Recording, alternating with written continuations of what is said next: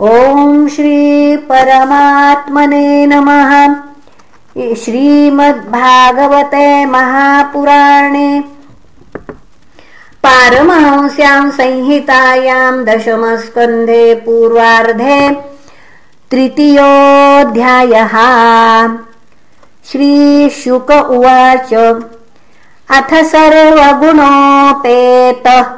कालः परमशोभनः यर्हेवा जनजन्मर्क्षम् क्षान्तर्क्षग्रहतारकम् दिशः प्रसेदुर्गगनम् निर्मलोडुगणोदयम् महीमङ्गलभूयिष्ठ पुरग्रामव्रजाकरा नद्यः प्रसन्नसलिला हृदा जलरुहश्रियः द्विजालिकुलसन्नादस्तबकावनराजयः ववौ वायुः सुखस्पर्श पुण्यगन्धवः शुचिः अग्नयश्च द्विजातीनाम् शान्तास्तत्र समिन्धत मनांस्यासन् प्रसन्नानि साधूनामसुरद्रुहाम् जायमाने जने तस्मिन्। ने दुर्दुन्दुभयो दिवि। जगुः किन्नर्गन्धर्वास्तुष्टुः सिद्धचारणाः। विद्याधर्यश्च न नृतुरप्सरोभिः समम् तदा। मुमुचुर्मुनयो देवा सुमनांसि मुदान्विताः। मन्दम् मन्दम् जलधरा जगर्जुरनुसागरम् निशीथे तम उद्भूते जायमाने जनार्दने देवक्याम् देवरूपिण्याम् विष्णुः सर्वगुहाशयः। आविरासीद्यथा प्राच्याम् दिशिन्दुरिव पुष्कलः गोपालकृष्ण भगवान् की जय तमद्भुतम् बालकमम्बुजे क्षणम् चतुर्भुजम् शङ्खगदायुधायुधम् श्रीवत्सलक्ष्यम् पुनः श्रीवत्सलक्ष्म्यम् गलशोभिकौस्तुभम् पीताम्बरम् सान्द्रपयोदसौभगम् महार्हवैदूर्यकिरीटकुण्डलस्त्विषा परिष्वक्तसहस्रकुन्तलम्। उद्दामकाञ्चम् गदकङ्कणादिभिर्विरोचमानम्। वसुदेव ऐक्षत्। स विस्मयोत्फुल्ल विलोचनो हरिम्। सुतम् विलोक्यानक दुन्दुभिस्तदा कृष्णावतारोत्सवसम्भ्रमो स्पृशम् मुदा द्विजेभ्यो युतमाप्लुतो गवाम्। अथैनमस्तौ दवधार्य पूरुषम् परम् नताङ्गः कृतधीः कृताञ्जलिः। स्वरोचिषा भारतसूतिका गृहम् विरोचयन्तम् गतिभिः। पुनः विरोचयन्तम् गतभिः प्रभाववित्। वसुदेव उवाच विदितोऽसि भवान् साक्षात् पुरुषः प्रकृतेः परहाम् केवलानुभवानन्द स्वरूपः सर्वबुद्धिदृक्। स एव स्वप्रकृत्येदम् सृष्ट्वाग्रे त्रिगुणात्मकम् तदनु त्वम् ह्य प्रविष्ट इव भाव्यसे। यथे मे विकृता भावास्तथा ते विकृतैः सह नानावीर्याः पृथग्भूता विराजं जनयन्तिः। सन्निपत्य समुत्पाद्य दृश्यन्तेऽनुगता इव प्रागेव विद्यमानत्वान्न तेषामिह सम्भवः। एवं भवान् बुद्ध्यनुमेयलक्षणैर्ग्राह्यैर्गुणैः सन्नपि तद्गुणाग्रहः। बहिरन्तरं न ते सर्वस्य सर्वात्मन आत्मवस्तुनः य आत्मनो दृश्यगुणेषु सन्नितिव्यवस्यते व्यस् पुनः व्यवस् पुनः व्यवस्यते। स्वव्यतिरेकतो बुधः विनानुवादन्न च तन्मनीषितम्। सम्यक् यतस्त्यक्तमुपाददत्पुमान्। त्वत्तोऽस्य जन्मस्थितिसंयमान् विभो वदन्तनीहादगुणादविक्रियात् त्वयीश्वरे ब्रह्मणि नो विरुध्यते त्वदाश्रयत्वादुपचर्यते गुणैः। स त्रिलोकस्थितये स्वमायया बिभर्षि शुक्लम् खलु वर्णमात्मनः सर्गाय रक्तम् रजसोपबृंहितम् कृष्णम् च वर्णम् तमसा जनात्यये।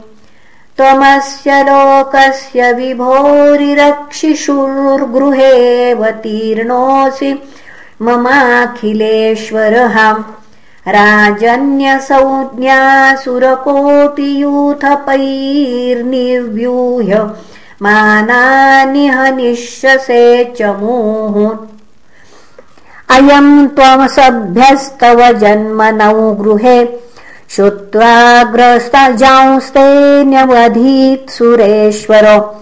स तेव तारम् पुरुषैः समर्पितम् श्रुत्वाधुनैर्वाभिसरत्युदायुधः श्रीशुक उवाच अथैनमात्मजम् वीक्ष महापुरुषलक्षणम्।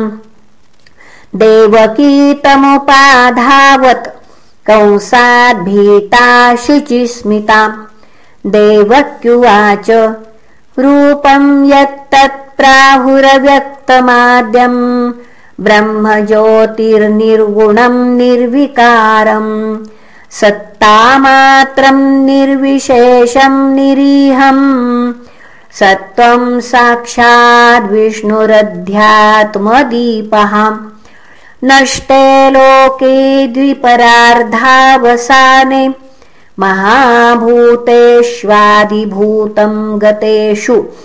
व्यक्ते व्यक्तम् कालवेगेन याते भवानेकः शिष्यते शेषसंज्ञः। योऽयम् कालस्तस्य ते व्यक्तबन्धो। चेष्टामाहुश्चेष्टते येन विश्वम्। निमेषादिर्वत्सरान्तो महीयांस्तम् त्वेषानम् क्षेमधाम प्रपद्ये मर्त्यो मृत्युव्यालभीतः पलायन्। लोकान् सर्वान् निर्भयन्। पुनः लोकान् सर्वान् निर्भयम् नाभ्यगच्छत्।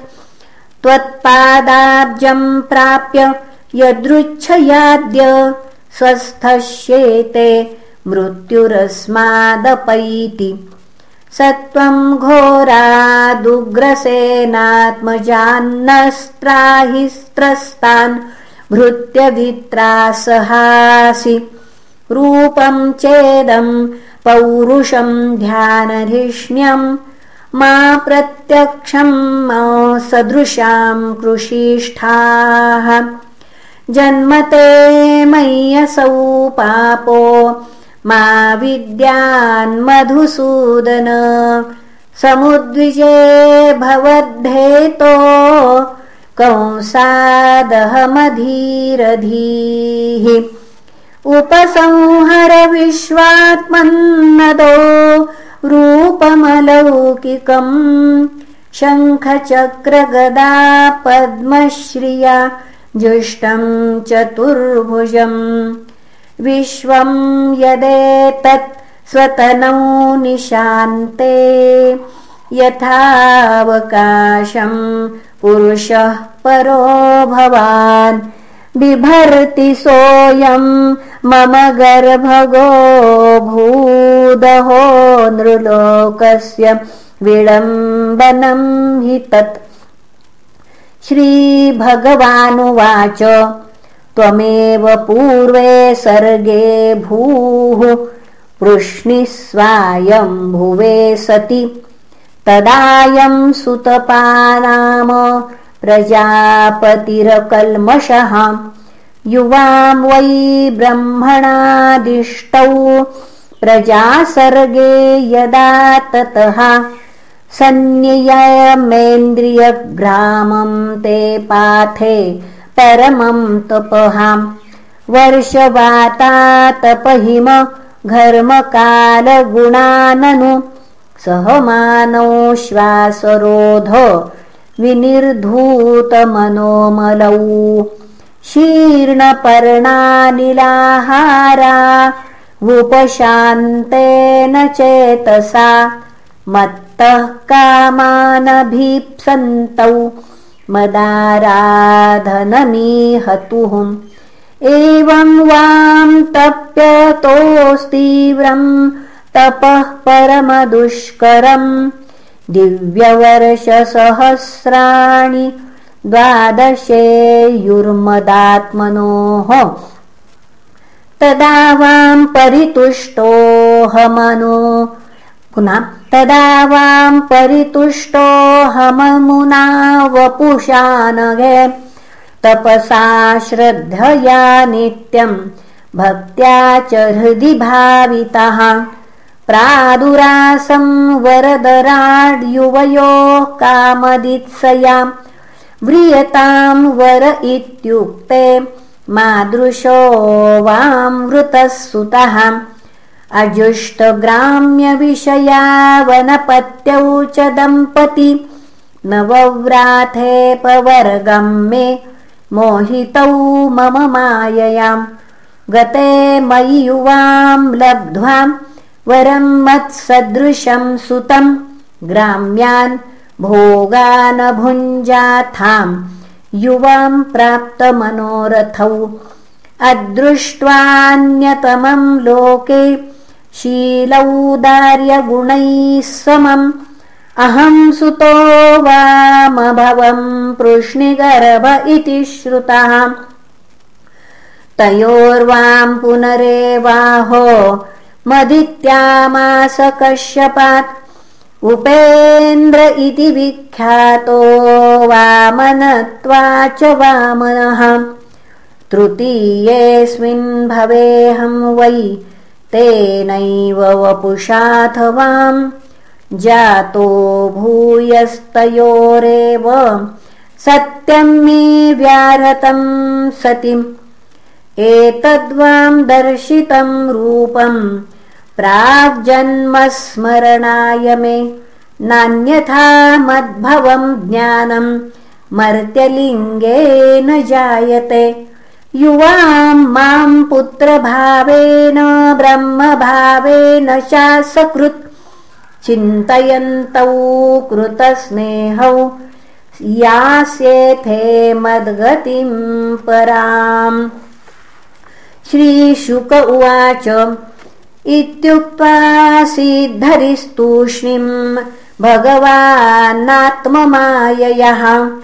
पित्रोः सम्पश्यतो सद्यो बभूव प्राकृतः शिशुः गोपालकृष्ण भगवान् की जय।